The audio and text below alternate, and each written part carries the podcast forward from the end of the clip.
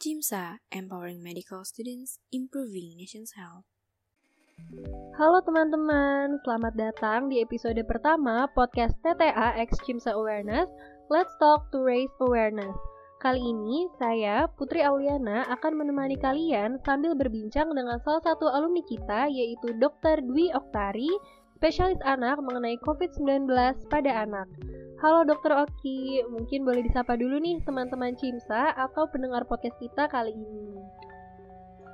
Bismillahirrahmanirrahim. Assalamualaikum warahmatullahi wabarakatuh. Terima kasih kepada adik-adik Cimsa Unpad yang sudah mengundang saya untuk bincang-bincang mengenai COVID-19 pada anak. Alhamdulillah, akhirnya kita bisa silaturahmi juga ya melalui acara podcast ini. Kita semua, terutama para nakes, sedang menghadapi minggu-minggu yang sangat melelahkan. Ya, karena saat ini Indonesia memang sedang mengalami gelombang kedua pandemi akibat virus corona, yang dampaknya tentunya jauh lebih besar daripada gelombang pertama. Betul sekali dok, dan memang gelombang kedua COVID-19 ini sangat mempengaruhi kehidupan kita semua. Terima kasih banyak sebelumnya Dr. Oki sudah bersedia untuk berbincang dengan kami di tengah-tengah kesibukannya. Nah, karena teman-teman semua di sini pasti sudah tidak sabar dan penasaran banget nih tentang COVID-19 pada anak, tanpa perlu berlama-lama lagi, kita langsung ke pertanyaan pertama ya dok. Kita memang sudah lebih dari satu tahun menghadapi pandemi COVID-19. Tapi mungkin masih banyak teman-teman atau pendengar podcast kita yang belum paham nih dok tentang apa sih sebenarnya COVID-19 itu Mungkin boleh Dokter Oki tolong jelaskan sedikit mengenai apa itu COVID-19. Oke, yang pertama saya akan menjelaskan dulu mengenai COVID-19. COVID-19 menurut definisi operasional kasus pada anak dan neonatus yaitu meliputi kasus suspek, probable, kasus konfirmasi, dan kontak erat. Definisi kasus ini mengikuti panduan Kementerian Kesehatan RI untuk screening kasus COVID-19 pada anak. Dan selain memahami kasus suspek, kasus probable, kasus konfirmasi, dan kontak erat, ada beberapa catatan khusus untuk pasien anak yang harus kita waspadai yaitu berupa gejala dan tanda yang tidak khas, seperti adanya diare dan munculnya rash. Untuk definisi dari kriteria kasus suspek yang pertama adalah seseorang yang memenuhi kriteria klinis dan epidemiologi, di mana kriteria klinis itu meliputi demam dan batuk akut, atau kondisi akut dari tiga atau lebih tanda-tanda gejala berikut, seperti demam, batuk, lemas, sakit kepala, mialgia, nyeri tenggorokan, pilek, sesak, anoreksia, muntah, diare, serta perubahan kesadaran. Kemudian untuk kriteria epidemiologis terdiri dari tiga hal yang harus diketahui, yang pertama, bertempat tinggal atau bekerja di daerah dengan risiko tinggi penularan virus kapan saja dalam 14 hari sebelum onset gejala. Atau yang kedua, bertempat tinggal atau bepergian ke suatu daerah dengan transmisi komunitas kapan saja dalam 14 hari sebelum timbulnya gejala. Yang ketiga, bekerja di layanan kesehatan apa pun, termasuk di dalam fasilitas kesehatan atau dalam komunitas, kapan saja dalam 14 hari sebelum gejala muncul. Kemudian yang disebut kriteria suspek kedua adalah pasien dengan penyakit pernapasan akut berat, yaitu dengan infeksi saluran pernafasan akut dengan riwayat demam atau demam lebih dari 38 derajat Celcius dan batuk yang timbul dalam 10 hari terakhir, serta memerlukan rawat inap.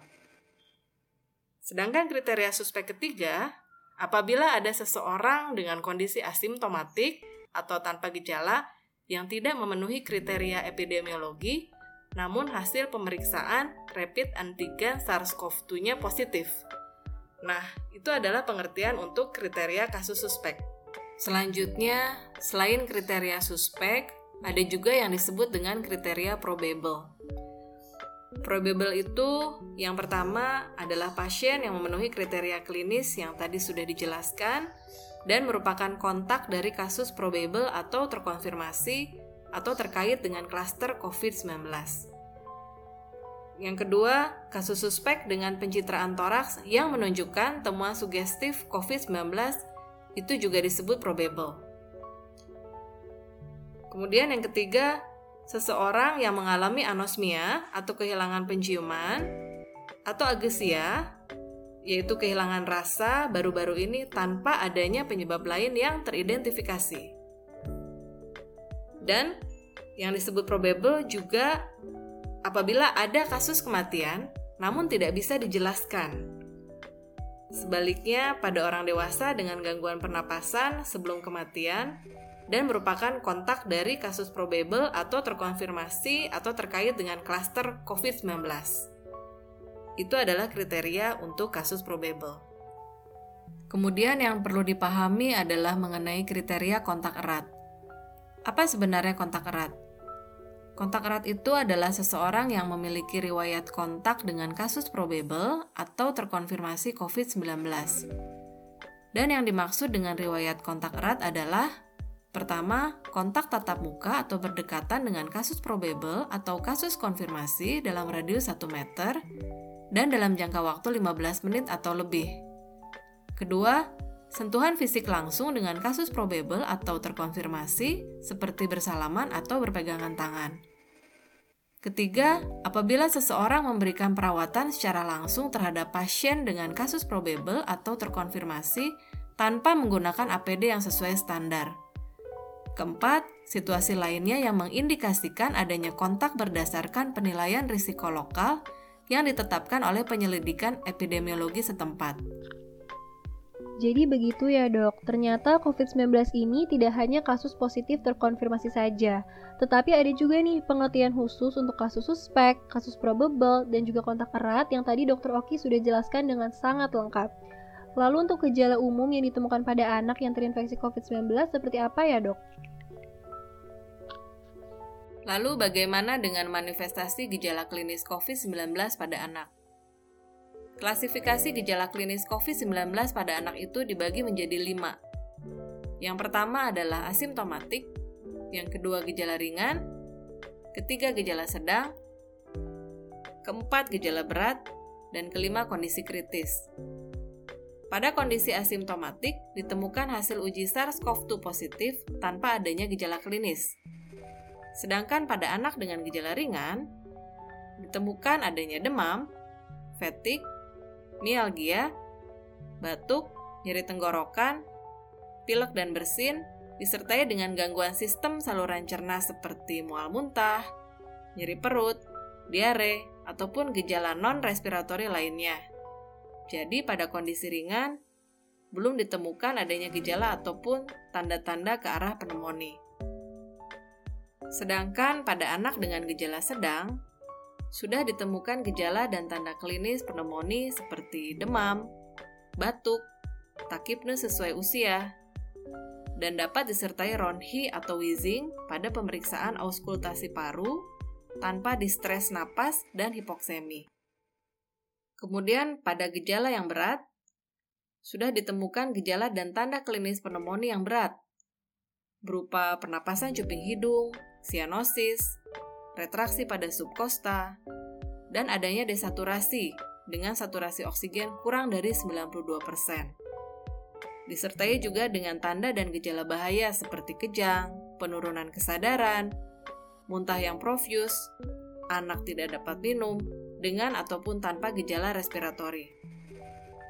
Dan pada kondisi kritis, terjadi perburukan yang sangat cepat, menjadi kondisi ARDS atau Acute Respiratory Distress Syndrome. Bisa juga terjadi gagal napas atau terjadinya shock, ensepalopati, kerusakan miokard yang luas atau gagal jantung, koagulopati, gangguan ginjal akut, dan disfungsi organ multiple ataupun manifestasi sepsis lainnya. Untuk kondisi asimptomatik dan anak dengan gejala ringan, masih belum memerlukan perawatan di rumah sakit, sehingga masih bisa ditangani oleh puskesmas setempat. Sedangkan bila didapatkan gejala yang berat maupun kritis, ataupun gejala sedang yang mengarah ke berat, sudah harus dirujuk ke rumah sakit yang idealnya dengan sarana perawatan ruang intensif. Selain klasifikasi berdasarkan lima gejala klinis yang tadi telah dijelaskan, pada anak ada hal yang perlu diwaspadai yaitu yang disebut MIS-C. Multisystem Inflammatory Syndrome in Children. Multisystem Inflammatory Syndrome in Children itu apa? Yaitu anak dengan COVID-19 yang sebagian besar adalah tanpa gejala. Atau kalaupun ada gejala, gejalanya ringan. Namun, dalam beberapa bulan terakhir justru didapatkan kasus yang berat. Kondisi ini merupakan suatu sindrom multisistem yang terjadi pada pasien anak dan temporally berkaitan dengan SARS-CoV-2. Serta gambaran klinis dan laboratoriumnya mirip dengan penyakit Kawasaki. Kita sebut dengan Kawasaki Disease Shock Syndrome dan adanya kombinasi yang mirip seperti pasien-pasien toxic shock syndrome. Patofisiologi dari multisystem inflammatory syndrome in children ini belum sepenuhnya dipahami. Tapi kemungkinan besar mekanismenya adalah berhubungan dengan antibody atau T-cell recognition of self-antigen. Jadi viral mimicry dari host yang menghasilkan autoantibody. Antibody atau T-cell recognition dari antigen virus yang diekspresikan pada sel yang terinfeksi sehingga terbentuk suatu kompleks imun yang mengaktifkan proses peradangan. Apa tanda-tanda dari multisystem inflammatory syndrome in children? Yang pertama adalah pada anak dan remaja usia 0 19 tahun yang mengalami demam lebih dari tiga hari dan disertai dengan dua tanda. Yaitu yang pertama bisa disertai dengan ruam atau konjungtivitis yang sifatnya non-purulen atau tanda inflamasi mukokutaneus pada mulut, tangan, dan kaki. Yang kedua adalah hipotensi atau shock yang ketiga adalah bisa didapatkan gambaran disfungsi miokard atau terjadi perikarditis, vaskulitis, abnormalitas koroner yang ditandai dengan ditemukannya kelainan pada saat pemeriksaan ekokardiografi dan data secara laboratorium itu menunjukkan adanya peningkatan troponin atau NT-proBNP. Yang keempat disertai bukti adanya koagulopati dengan adanya peningkatan PTA-PTT maupun di dimer. Kemudian yang terakhir, terjadi adanya gejala gastrointestinal akut, misalnya diare, muntah, atau nyeri perut. Nah, bila mendapatkan tanda-tanda ini, hati-hati. Ini adalah salah satu gejala dari multisystem inflammatory syndrome in children. Dan gejala yang lain adalah dari laboratorium terdapat peningkatan marker inflamasi seperti LED meningkat, CRP meningkat, atau prokalsitonin yang meningkat, serta tidak adanya penyebab keterlibatan etiologi bakteri yang menyebabkan inflamasi meliputi sepsis bakteri atau sindrom shock karena Staphylococcus atau Streptococcus. Jadi kita bisa menyingkirkan kemungkinan yang lain. Dan yang terakhir adalah terdapat bukti bahwa pasien ini memang COVID-19. Bukti itu dapat berupa pemeriksaan tes PCR yang positif, atau tes antigen positif, bahkan tes serologi yang positif itu dapat digunakan sebagai dasar pasien ini didiagnosa sebagai multisystem inflammatory in children. Berarti gejalanya bermacam-macam sekali ya dok, mulai dari yang tidak bergejala hingga reaksi parah yang tadi telah dokter rincikan. Dan pada anak-anak sangat perlu diperhatikan mengenai kemungkinan terjadinya MIS-C ya dok. Nah, berbicara mengenai anak-anak yang terkena virus COVID-19, saat ini angka kasus COVID-19 benar-benar meningkat nih dok, seperti yang kita lihat di berita ataupun sumber-sumber lain. Sehingga dengan adanya peningkatan tersebut menyebabkan anak-anak lebih rentan untuk mengalami kontak erat. Kira-kira apa ya dok yang harus dilakukan ketika seorang anak mengalami kontak erat dengan pasien COVID-19? Anak kontak erat dengan pasien COVID-19, bahkan kebanyakan orang tuanya sendiri harus bagaimana? Pertama, kita ingat-ingat lagi kriteria definisi kontak erat apa saja, yaitu yang pertama, tatap muka atau berdekatan dalam radius 1 meter dan dalam jangka waktu 15 menit atau lebih. Kedua, adanya sentuhan fisik secara langsung. Ketiga, memberikan perawatan tanpa alat pelindung diri yang sesuai standar. Keempat, situasi lainnya ditetapkan oleh tim penyelidikan epidemiologi. Dan kelima, perhatikan bila ada kegiatan yang dilakukan di tempat tanpa ventilasi. Dan ada beberapa situasi yang dinilai berisiko. Kita nilai apakah sebelumnya pertama ada kunjungan dari kerabat atau sanak saudara. Kedua, kontak dengan asisten rumah tangga atau supir yang sering keluar masuk rumah. Ketiga, mengunjungi restoran atau rumah makan. Keempat, datang ke tempat ibadah yang tidak menerapkan prokes. Kelima, adanya kontak dengan rekan perjalanan pesawat terbang kereta api atau bis. Keenam, datang ke pernikahan atau melayat, serta datang ke pertemuan keagamaan lainnya. Dan ketujuh, adanya kegiatan yang dilakukan di ruangan tanpa ventilasi. Nah, setelah dinilai, bila anak termasuk ke dalam kriteria kontak erat tersebut, maka langkah-langkah yang harus dikerjakan orang tua, pertama, karantina selama minimal 14 hari, Kedua, lapor pada fasilitas kesehatan setempat mengenai adanya kontak erat dan kondisi anak saat ini. Ketiga, dilakukan pemeriksaan PCR pada anak. Jadi sebenarnya sama saja ya dok, baik dewasa maupun anak-anak juga tetap harus melakukan isolasi mandiri. Nah, terkait isolasi mandiri nih dok, apakah ada prosedur khusus dalam melakukan isolasi mandiri pada anak dan apakah ada hal-hal yang perlu diwaspadai ketika anak melakukan isolasi mandiri? Ya, para orang tua banyak yang panik ya begitu mengetahui hasil PCR swab anaknya positif. Sekarang sudah ada prosedur isolasi mandiri untuk anak yang terkonfirmasi COVID positif. Tentunya syarat protokol isolasi mandiri ini hanya bisa diterapkan pada anak terkonfirmasi COVID positif yang tanpa gejala atau kalaupun bergejala hanya gejala yang ringan. Selain itu juga anaknya aktif, bisa makan dan minum. Yang pertama, anak bisa tetap di rumah, tidak perlu dirawat ya. Kedua, apabila memungkinkan, anak diberi ruangan tersendiri dan jika perlu ditemani oleh pengasuh atau orang tua. Tentunya disarankan yang mengasuh anak adalah orang tua atau pengasuh dengan risiko rendah terhadap gejala berat COVID-19. Ketiga, gunakan masker pada anak usia lebih dari 2 tahun. Pastikan masker itu terpasang dengan baik dan tidak perlu digunakan saat anak tidur. Keempat, pengasuh yang berada di dalam ruangan yang sama harus menggunakan masker atau pelindung mata bila memungkinkan. Kemudian yang kelima, jaga jarak minimal 1 hingga 2 meter dengan anggota keluarga lain. Keenam, biasakan cuci tangan dengan air dan sabun. Ketujuh, menerapkan etika batuk dan bersin. Kemudian kedelapan, jangan lupa pastikan membersihkan ruangan secara rutin setiap hari dengan desinfektan, dan terutama lingkungan rumah atau kamar juga harus memiliki ventilasi yang baik.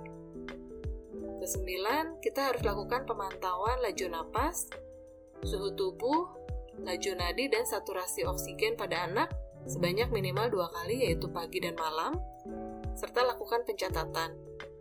Kemudian segera lapor kepada tenaga kesehatan yang terdekat jika ada tanda-tanda bahaya. Lalu yang ke-10 berikan juga anak makanan-makanan yang bergizi. Dan untuk alat-alat yang perlu disediakan selama anak isolasi mandiri di antaranya yaitu termometer sebagai alat pengukur suhu tubuh, serta oximeter sebagai alat pengukur saturasi oksigen dan frekuensi nadi. Kemudian, obat-obatan yang perlu disediakan juga yaitu obat penurun demam, multivitamin berupa vitamin C, vitamin D, dan zinc dengan dosis yang diberikan tentunya berdasarkan usia. Beberapa tanda-tanda bahaya COVID-19 pada anak saat isolasi mandiri yang harus diwaspadai seperti demam terus-menerus lebih dari 38 derajat Celcius, lalu anak tampak sesak dengan nafas yang cepat melebihi frekuensi nafas dari range usianya, yang ditandai juga dengan cekungan dinding dada saat bernafas, atau adanya pernafasan cuping hidung, disertai saturasi oksigen kurang dari 95%. Atau misalkan anak ada muntah dan diare hingga menyebabkan dehidrasi, adanya penurunan kesadaran di mana anak lebih banyak tidur dan sulit dibangunkan, serta bila anak kejang. Wah, terima kasih ya dok atas jawabannya yang sangat lengkap mengenai tata cara isolasi mandiri untuk anak. Jadi, walaupun sedang isolasi mandiri, Anak-anak harus terus dipantau dan kalau bisa ditemani oleh orang tua atau pengasuh yang memiliki resiko rendah terhadap gejala berat COVID-19. Nah, kalau tadi kita berbicara mengenai isolasi mandiri nih dok, sekarang berkaitan dengan pandemi yang menyebabkan semua orang harus beraktivitas di rumah. Apakah dokter memiliki tips agar anak-anak tidak jenuh di rumah? Ya, pandemi bisa membuat anak-anak kita stres ya dan anak-anak menanggapi stres dengan cara yang berbeda. Mereka bisa lebih rewel, marah, gelisah, atau melakukan hal-hal yang tidak biasa mereka lakukan. Kebayangkan ya sama kita anak-anak yang lagi aktif-aktifnya dalam masa tumbuh kembang, sekarang mereka harus lebih banyak diam di rumah, jadi bosan dan stres. Mungkin beberapa tips ini bisa membuat anak-anak mengatasi stres selama pandemi. Ya, pertama, orang tua harus memberikan pemahaman atau penjelasan dulu kepada anak-anak tentang pandemi COVID-19. Jangan takut buat menjelaskan dan berdiskusi tentang pandemi dengan anak. Kita bisa mulai jelaskan pada mereka perihal apa itu coronavirus, ya tentunya dengan bahasa yang sederhana dan mudah dimengerti. Lalu bagaimana virus corona itu bisa masuk ke tubuh kita, Penjelasan dari orang tua ini selain membuat anak paham, juga harus membuat anak kita tenang agar tidak tambah stres selama pandemi. Kemudian, setelah dijelaskan, pasti anak-anak banyak pertanyaan ya. Nah, kita harus jawab setiap pertanyaan anak. Kalau ayah bunda kesulitan dalam memberikan jawaban, bisa bertanya pada ahlinya atau ajak anak-anak untuk belajar tentang COVID-19 lewat berbagai video animasi yang edukatif. Kedua, fokus ajarkan anak-anak terkait apa saja yang harus dilakukan sebagai upaya 5M agar terhindar dari COVID-19. Contohnya, bisa dimulai dengan menjelaskan betapa pentingnya menggunakan masker sambil melatih kebiasaan menggunakan masker yang baik dan benar. Kemudian mengajarkan kebiasaan mencuci tangan dengan air mengalir dan sabun. Jelaskan juga mengapa sementara ini betapa pentingnya untuk tidak keluar rumah dulu sambil diberi pengertian mengapa saat ini mereka tidak boleh bermain atau berkumpul dulu dengan teman-temannya. Kemudian, kita ajarkan juga harus menjaga jarak, serta ajarkan juga etika batuk dan bersin yang benar maupun perilaku hidup bersih dan sehat yang lainnya. Dan hasilnya, bila anak-anak berhasil mengikuti perintah 5M yang telah diajarkan oleh para orang tua, jangan lupa untuk memberi mereka reward berupa pujian atau tepuk tangan. Ketiga, ciptakan kesempatan dan suasana yang nyaman di rumah untuk bermain dan bersantai dengan anak-anak. Misalnya, mengajak anak kreatif liburan di rumah saja dengan menyediakan berbagai kegiatan prakarya. Bisa dicoba juga storytelling dari buku-buku cerita anak yang berkualitas. Bila memungkinkan, bisa juga anak-anak diajak main petak umpet sambil berjemur di halaman rumah, serta belajar untuk mencoba hal-hal baru dengan kegiatan positif, seperti berkebun, olahraga, atau memasak. Berarti sebagai orang tua harus bisa ya dok memberikan pemahaman kepada anaknya mengenai pandemi serta harus bisa mencari ide-ide baru untuk menciptakan aktivitas yang menyenangkan untuk dilakukan di rumah, seperti bermain petak umpet sambil berjemur. Nah, kita ke pertanyaan selanjutnya. Tahun ini, anak-anak sudah menjalani pembelajaran daring, yang mungkin menjadi salah satu penyebab mengapa mereka sering merasa jenuh karena jarang bertemu dengan teman-teman. Menurut dokter, dengan kondisi saat ini, apakah sudah cukup aman untuk anak-anak kembali sekolah tatap muka? Mengenai sekolah tatap muka, ya inilah yang sering menjadi perdebatan antara orang tua, pihak sekolah, maupun para pembuat kebijakan. Bila kita korelasikan kondisi saat ini dengan mempertimbangkan laju penambahan kasus COVID-19 di Indonesia, begitu pula dengan peningkatan jumlah kasus pada anak, kesehatan dan keselamatan tenaga kesehatan, serta keputusan pemerintah pusat yang menerapkan pemberlakuan pembatasan kegiatan masyarakat atau PPKM darurat mulai tanggal 3 hingga 20 Juli dengan tujuan untuk memutus rantai penularan COVID-19, maka kegiatan pembelajaran tatap muka ini sudah seharusnya ditunda sebagai antisipasi lonjakan kasus COVID-19. Karena kegiatan pembelajaran tatap muka tentunya akan meningkatkan risiko penyebaran wabah COVID-19. Selain itu, anak-anak juga masih dalam tahap belajar dan masa pembentukan berbagai perilaku hidup yang baik, termasuk dalam menerapkan secara rutin perilaku hidup bersih dan sehat. Sehingga pada prakteknya terkadang guru juga akan kesulitan untuk mendisiplinkan anak-anak, terutama yang masih kecil-kecil ya, kisaran usia kurang dari 10 tahun. Coba deh kalau kita pahami pikiran anak-anak, Kebanyakan mereka kalau bertemu dengan teman-teman sebayanya itu ingin saling berbagi atau bertukar mainan. Nanti di era pandemik ini, anak-anak datang ke sekolah, lihat teman-temannya pakai masker yang lucu-lucu, malah mereka pengen tukeran masker atau tukeran face sheet lagi. Gawat ya kalau itu kejadian. Nah, ketika protokol kesehatan dilanggar, baik sengaja maupun tidak, maka dikhawatirkan risiko penularan infeksi COVID-19 akan meningkat sangat tinggi. Peningkatan jumlah kasus yang signifikan pasca pembukaan sekolah juga telah dilaporkan di banyak negara sekalipun itu negara maju, misalnya di Korea Selatan, Prancis, Amerika, atau Israel. Dan sebagai pertimbangan, data terakhir pasien COVID-19 ini menunjukkan bahwa satu dari delapan kasus terkonfirmasi COVID-19 di Indonesia itu adalah anak-anak dengan range usia 0 sampai 18 tahun. Sehingga saat ini penundaan sekolah tatap muka merupakan keputusan yang tepat karena dapat menurunkan transmisi penularan.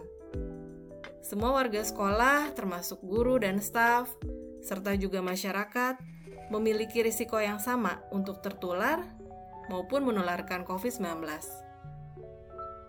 Wah, saya pribadi juga sangat setuju dengan pendapat dokter bahwa melihat kondisi saat ini, keputusan untuk menunda sekolah tatap muka memang yang paling baik.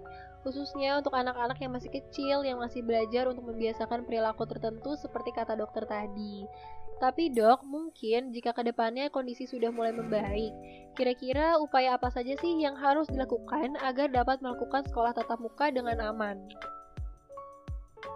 Beberapa orang tua pasien juga ada yang mengeluhkan kalau dulu anak-anaknya pada males sekolah, uh, bahkan kadang ada yang harus sampai dijewer. Sekarang malah pengen pada sekolah justru dilarang dengan kondisi saat ini.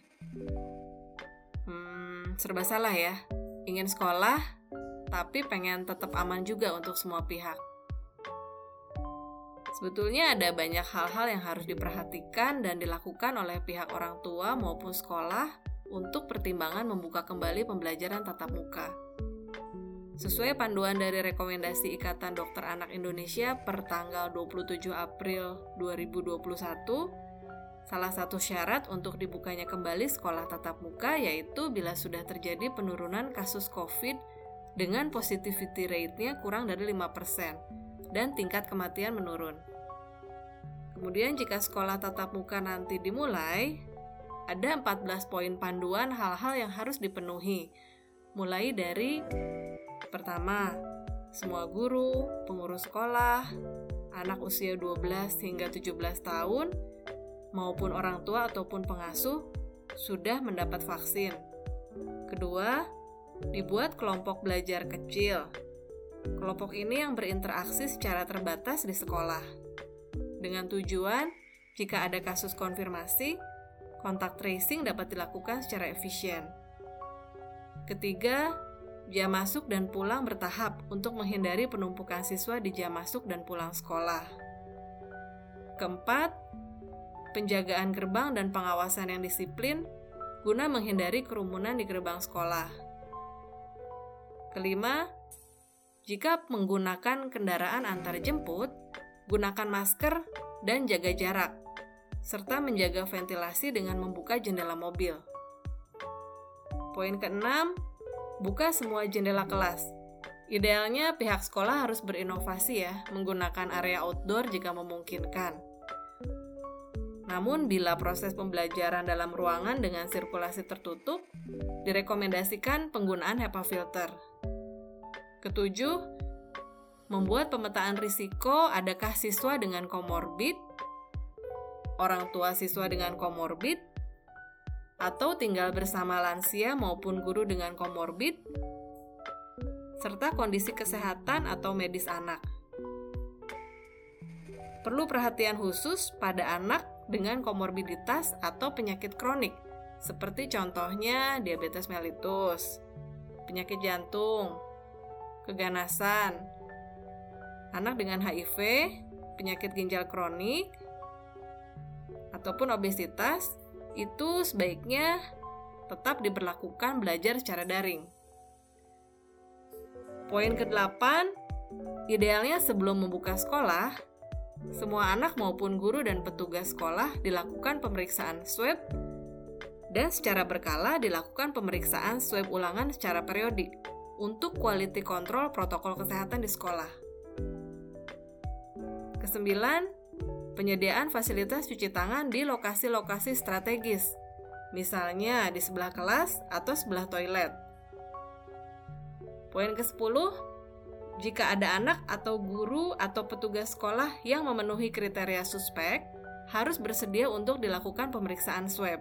Selanjutnya, poin ke-11, sekolah dan tim UKS sudah menyiapkan alur mitigasi jika ada warga sekolah yang sakit dan sesuai kriteria diagnosis suspek atau probable.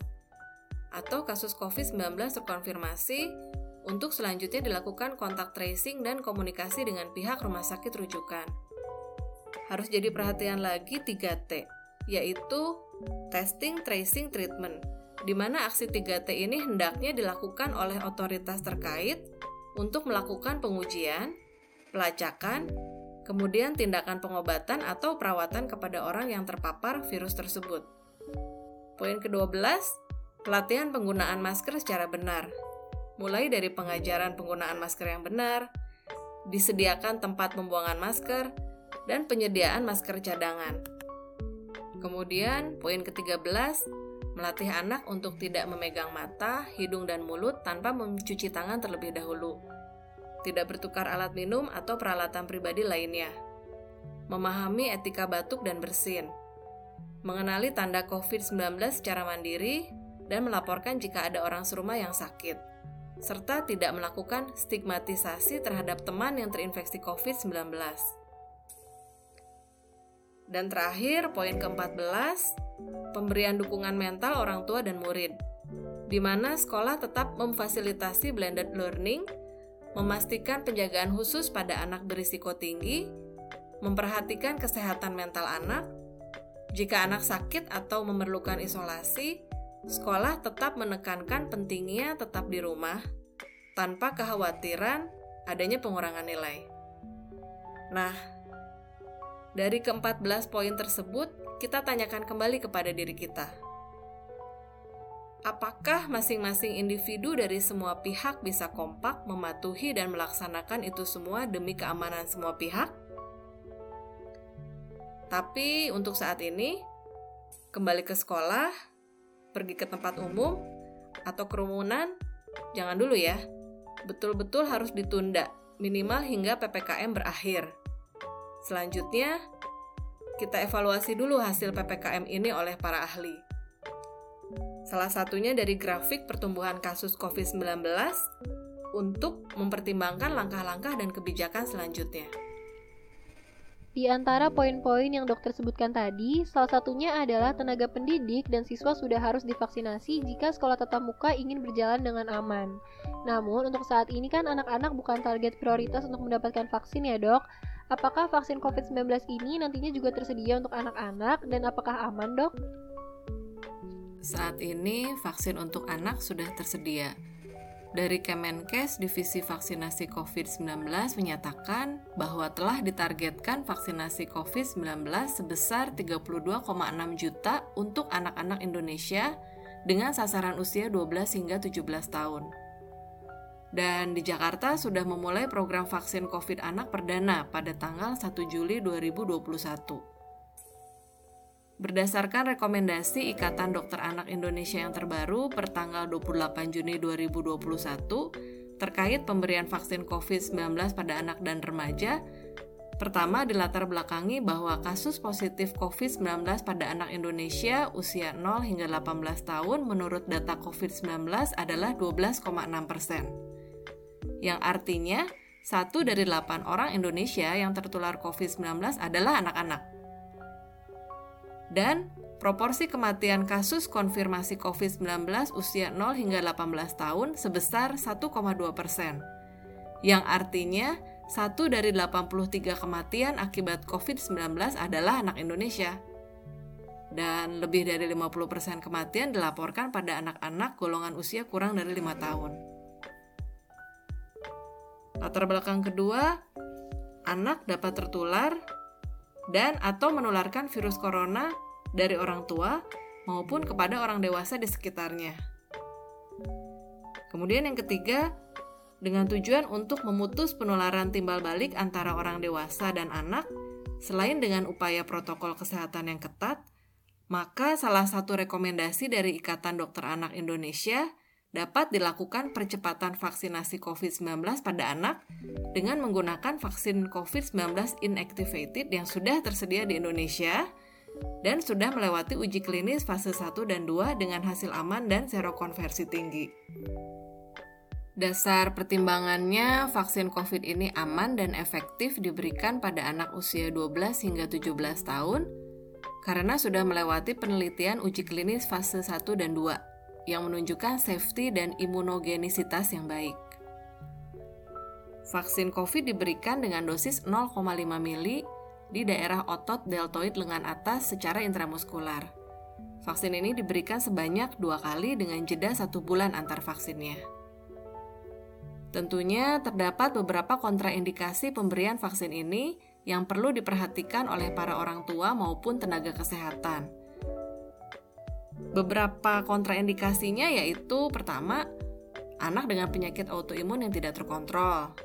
Kedua, anak dengan sindrom Guillain-Barré Ketiga, anak-anak penderita kanker yang sedang menjalani kemoterapi. Keempat, anak-anak yang sedang mendapat pengobatan imunosupresan. Kelima, anak dalam kondisi demam dengan suhu lebih dari 37,5 derajat Celcius.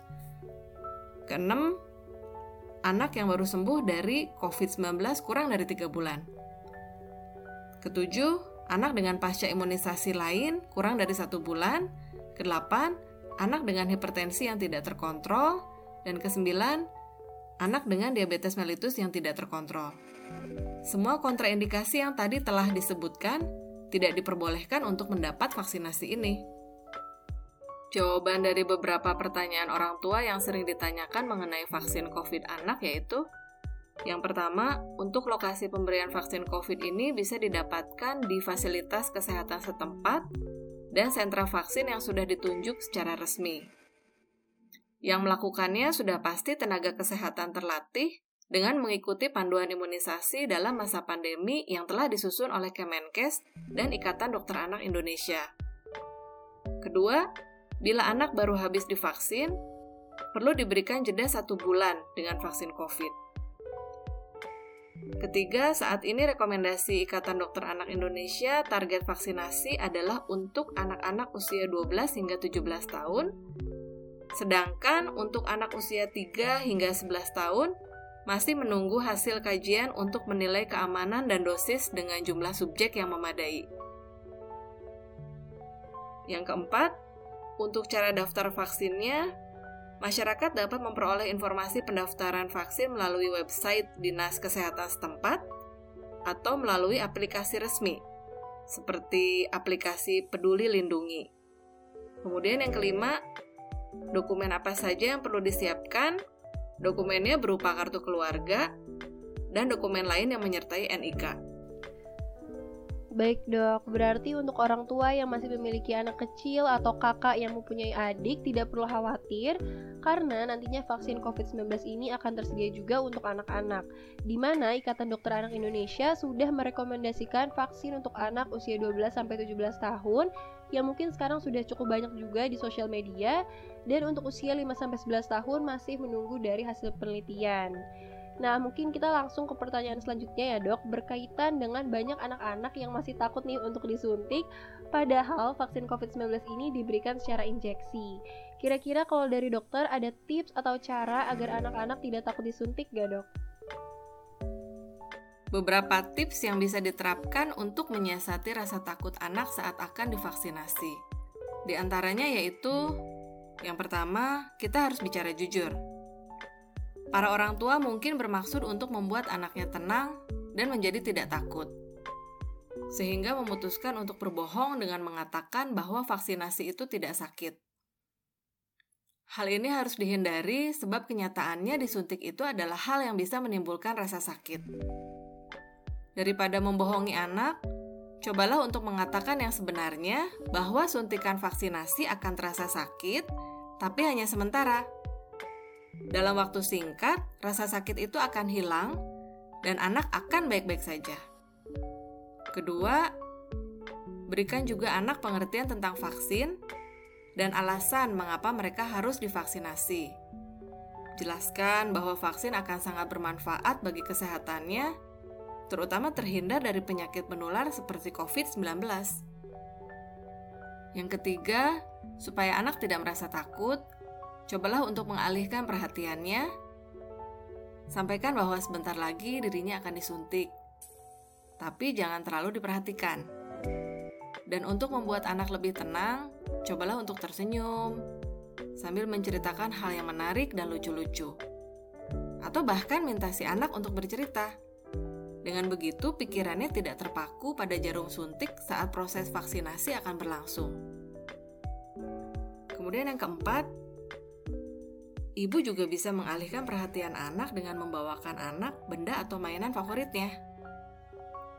Anak mungkin akan merasa lebih tenang dan berani saat mengetahui bahwa barang kesukaannya menemani dia selama vaksinasi berlangsung. Biasanya anak-anak itu cenderung membangun hubungan emosional dengan benda favoritnya. Sehingga keberadaan benda tersebut mungkin akan membuat anak merasa tenang. Kemudian yang kelima, nah ini, bermain peran. Untuk melatih anak agar tidak takut disuntik saat vaksinasi juga bisa dilatih sedini mungkin. Bahkan saat masih di rumah, sebelum anak divaksin, ibu bisa mencoba bermain peran dengan anak selama di rumah. Ibu bisa berpura-pura menjadi dokter yang akan memberi suntikan sehingga anak tidak merasa asing dengan hal itu. Saat anak menghadapi suntikan sungguhan, ibu nanti bisa mengatakan bahwa hal itu sama seperti permainan yang pernah mereka lakukan di rumah.